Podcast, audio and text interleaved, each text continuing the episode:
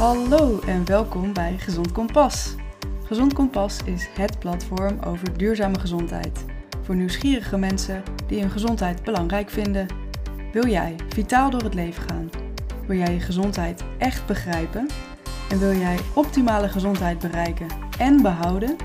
Dan ben je bij Gezond Kompas op de juiste plek.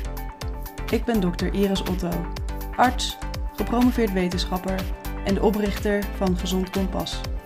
Met deze podcast hoop ik je te inspireren om je eigen kompas naar jouw optimale gezondheid te ontwikkelen. Bedankt dat je luistert. Soms heb ik van die momenten dat ik thuis of in de stad om me heen kijk en denk: Wauw, wat leven we toch in een bijzondere tijd.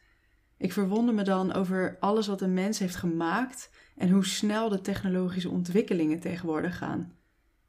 Ik ben opgegroeid met floppy disks en inbel-internet, met informatie opzoeken in de bibliotheek en via de vaste telefoonlijn een vriendinnetje opbellen om te spelen, hopend dat ze thuis was om op te nemen. Tegenwoordig hebben we toegang tot de wereld in onze broekzak, bestaat er zoiets als artificiële intelligentie en kweken we nieuwe weefsels in petrischaaltjes. We leven echt in tijden van ongekende welvaart. Op die momenten stel ik mezelf ook regelmatig de vraag: hoe heeft welvaart onze gezondheid beïnvloed? We hebben het qua gezondheid en levensverwachting echt zoveel beter dan vroeger, maar er zijn ook nieuwe uitdagingen. En in deze podcast neem ik je graag mee op reis langs de relatie tussen gezondheid, ziekte en welvaart. Eeuwenlang werd een mens gemiddeld 30 jaar oud. De helft van de geborenen overleed namelijk al tijdens de kindertijd en de rest werd zo tussen de 50 en de 70 jaar oud. En sinds de vorige eeuw is onze levensverwachting echt aanzienlijk gestegen. In Nederland worden vrouwen nu gemiddeld 83 jaar en mannen 80 jaar oud. Wat is er in die tijd gebeurd? Nou, een heleboel. Als je wel eens een film hebt gekeken die zich afspeelt in de 19e eeuw, zeg rond 1850, dan heb je misschien wel een beetje een idee van hoe het leven er vroeger uitzag. Er was geen elektriciteit, geen centrale verwarming, geen stromend water en geen riolering. Vuilnis en uitwerpselen van paarden, honden en zelfs van mensen lagen gewoon op straat te rotten. Grote kans dat je door een infectieziekte kwam te overlijden, vaak al in je eerste levensjaar, of dat je stierf door kou of honger. Onze omgeving had dus een hele belangrijke invloed op onze gezondheid. Maatregelen ter bevordering van de maatschappelijke hygiëne en comfort hebben een gigantische impact gehad op onze gezondheid en levensverwachting.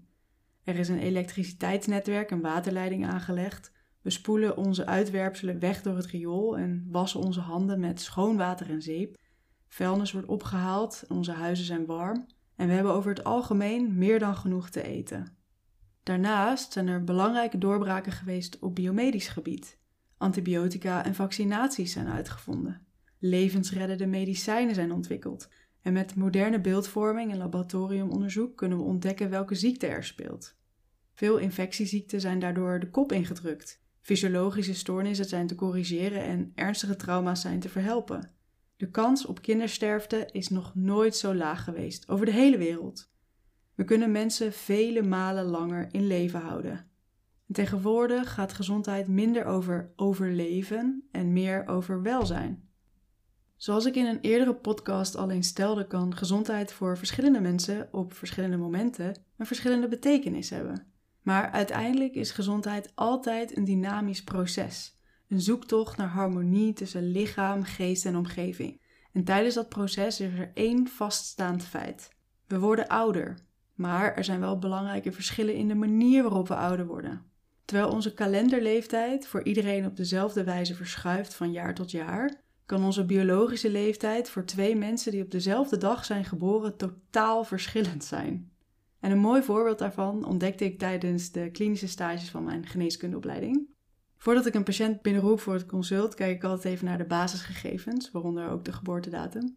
En ik leerde tijdens mijn kooschappen dat die kalenderleeftijd niet zo heel veel zegt over de vitaliteit van iemand. Het kwam regelmatig voor dat er een patiënt binnenkwam die wellicht jonger was dan mijn eigen vader, maar er veel ouder uitzag. Chockerend vond ik dat, dat je op je 55ste er al uit kon zien alsof je ver in de 70 was. En tegelijkertijd kwam ik juist ook hele kwieke dames en heren van 90 tegen die nog mentaal scherp en fysiek sterk waren. En het zette me toen aan het denken: waarom veroudert de ene persoon biologisch sneller dan de andere? De artsonderzoekers Rudy Westendorp en David van Bodegom geven in hun boek Oud worden in de praktijk ook zo'n voorbeeld. Ze bespreken de Nederlandse Hans van 68 jaar, die op het spreekuur kwam met diabetes, een hoge bloeddruk en pijn in de benen door dichtgeslipte aderen. Geen uitzondering in onze westerse wereld. En daartegenover zetten zij Kwaku, een Ghanese man van 88 jaar die nog vol energie op het Afrikaanse platteland werkte. Kwaku bleek ook geen uitzondering binnen zijn gemeenschap. De wetenschappers concludeerden tijdens hun veldonderzoek dat de mensen daar zowel van buiten als van binnen mooi oud worden, zelfs zonder moderne medische zorg. Wat is er volgens de auteurs van het boek Oud worden in de praktijk nou het geheim van mensen zoals Kwaku? Zij stellen dat zijn genen bij zijn omgeving passen. Onze genen dragen onze blauwdruk en hebben dus tot op zekere hoogte de controle over wat er in ons lichaam gebeurt. De evolutietheorie van Charles Darwin stelt dat organismen zich door natuurlijke selectie aan een omgeving aanpassen. Genen die een kenmerk tot uiting brengen die ervoor zorgt dat het organisme zich kan voortplanten, zullen overleven, terwijl minder succesvolle genen niet worden doorgegeven aan de volgende generatie. Een simpel voorbeeld: een konijn dat hard kan rennen, wordt minder snel gegrepen door een vos en heeft daardoor een grotere kans om zich voor te planten en zijn genen door te geven dan een langzamer konijn. En op deze manier hebben onze lichamen zich steeds aangepast aan de omgeving waarin we leefden. Je kunt je misschien wel voorstellen dat natuurlijke selectie sneller gaat bij organismen met een van nature kortere levensduur en een hogere reproductiecapaciteit.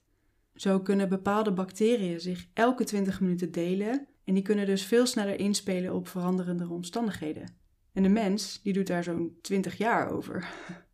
Dat was aan zich niet zo'n probleem, want we zijn, ondanks onze tekortkomingen, een uiterst succesvolle soort. Maar de laatste 100 jaar is onze omgeving dramatisch veranderd, met name door ons eigen toedoen. En dat illustreerde ik net al even door een aantal drastische veranderingen uit te lichten binnen mijn eigen levensspannen. We leven in een tijd van overvloed. We hebben veel suiker- en transvetrijk eten tot onze beschikking. Alles is verkrijgbaar in de supermarkt en we kunnen het zelfs tot in de keuken laten bezorgen. Veel van ons werk wordt uit handen genomen door machines of vindt plaats achter een computer. Auto's, brommers en treinen brengen ons overal naartoe. We hebben liften en wasmachines en koelkasten en magnetrons. Waar vroeger het voedsel schaars en de lichamelijke activiteit hoog was, is dat nu andersom. Nu hebben we voedsel in overvloed en bewegen we minimaal. Deze veranderingen zijn allemaal in sneltreinvaart aan onze lichamen geïntroduceerd. Ons genenpakket was daar niet op voorbereid. Iemand zoals Kwaku in Ghana leeft nog op de ouderwetse manier, met genen in harmonie met de omgeving. Maar Ghanese die op jonge leeftijd naar de hoofdstad verhuizen, nemen een westerse leefstijl aan. En hierdoor overlijden zij niet aan infecties, zoals veel jongeren op het Ghanese platteland, maar ontwikkelen zij wel overgewicht en diabetes en hart- en vaatziekten. Rudy Westendorp en David van Bodegom schrijven hierover: Het is ronduit verwarrend om in een zich ontwikkelend land als Ghana tegelijkertijd de vroege sterfte door gebrek en de late sterfte door overvloed te zien.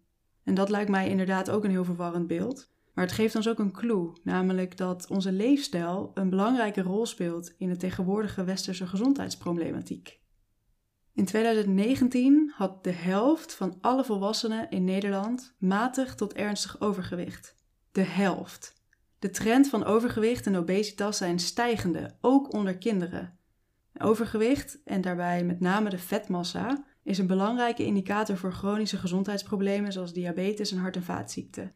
En ook kanker en onvruchtbaarheid zijn geassocieerd met overgewicht. Er is inmiddels een grote hoeveelheid wetenschappelijk bewijs dat er een rechtlijnige relatie is tussen overgewicht en de kans op overlijden. Dus hoe hoger het overgewicht, hoe hoger de kans op sterfte. Dan nog een cijfer. Een vijfde van de volwassenen in Nederland rookt. Gelukkig is die trend wel dalende, want roken richt schade aan aan alle organen in het lichaam. Roken is geassocieerd met een algehele slechtere gezondheid, een zwakker immuunsysteem en dus meer infecties longaandoeningen zoals astma en COPD en verder ook nog hart- en vaatziekten, diabetes, verminderde vruchtbaarheid, depressie en kanker. Als we gaan kijken naar de doodsoorzaken in Nederland, vind je aandoeningen als kanker, beroerte, hartaanval, COPD en diabetes hoog in de lijst. Een kwart van alle mensen overlijdt aan hart- en vaatziekten en een derde aan kanker. Deze aandoeningen worden geschaard onder de zogenaamde welvaartsziekten. En dat houdt dus eigenlijk in dat deze ziekten worden veroorzaakt door onze welvaart.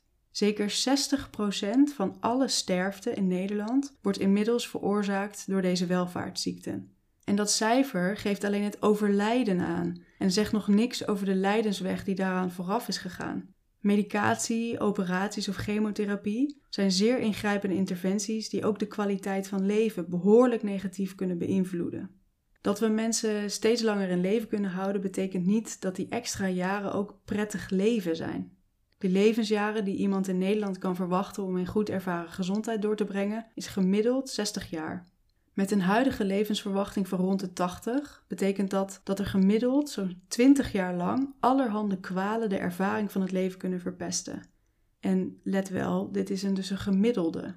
Bij een groeiende groep mensen ontstaan die kwalen al veel eerder in het leven, soms zelfs al voor het 40ste levensjaar. Ik heb een vraag voor je.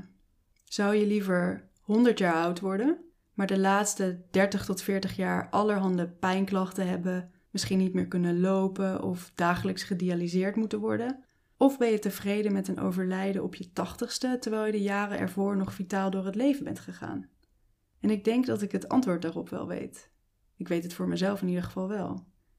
Veel ouderen vinden oud worden een lijdensweg, terwijl voorbeelden zoals Kwaku laten zien dat dat niet zo hoeft te zijn. In plaats van meer jaren aan het leven toe te voegen, zouden we ons moeten richten op meer leven aan de jaren toevoegen. De kwaliteit van leven omhoog brengen, zodat mensen vitaal ouder kunnen worden. En de sleutel daarvoor vinden we niet in medicijnen en operaties, maar in leefstijl. Op het gebied van leefstijl liggen precies de kansen om een gezondere samenleving te vormen. Het soort aandoeningen waar we nu dus voornamelijk mee te kampen hebben, zijn grotendeels te voorkomen, te remmen of zelfs om te keren met flinke aanpassingen in de leefstijl. Naar schatting zou 30% van de kankergevallen kunnen worden voorkomen door een gezonde leefstijl. En er zijn inmiddels ook geweldige resultaten van leefstijlprogramma's waarmee diabetes zelfs helemaal omgekeerd kan worden. Leefstijlfactoren als voeding, beweging, slaap, ontspanning, sociaal contact en de vermijding van verslavende middelen spelen een belangrijke rol in het wel of niet ontwikkelen van welvaartsziekten. Hoe jonger je begint met een gezonde leefstijl, hoe minder schade er aangericht kan worden. Voorkomen is immers beter dan genezen. Maar ook op oudere leeftijd hebben leefstijlaanpassingen absoluut zin en kan de kwaliteit van leven sterk verhoogd worden. Inzetten op leefstijl is voor iedereen belangrijk. Begin liever vandaag dan morgen. En met Gezond Kompas geef ik je graag de handvatten om je gezondheid te begrijpen en er weer grip op te krijgen, zodat je een leven lang gezond door het leven kan gaan. Duurzame gezondheid noem ik dat. En het is echt mijn missie om Nederland duurzaam gezond te krijgen. Op mijn website gezondkompas.com kun je verder leren over duurzame gezondheid. En heb je een vraag? Stuur me dan een berichtje via de mail op iris.gezondkompas.com of via Instagram @gezondkompas. Je luisterde naar de Gezond Kompas podcast met Dr. Iris Otto. Als je deze aflevering waardevol vond, Deel het dan met anderen en laat een beoordeling en een recensie achter. Dit helpt ontzettend om de podcast te laten groeien en ik waardeer je moeite heel erg. Abonneer je op dit podcastkanaal om op de hoogte te blijven van nieuwe afleveringen en volg Gezond Kompas op Instagram. Voor alle artikelen, downloads en andere handvatten voor een duurzame gezondheid, ga naar gezondkompas.com. Nogmaals bedankt voor het luisteren en tot de volgende keer!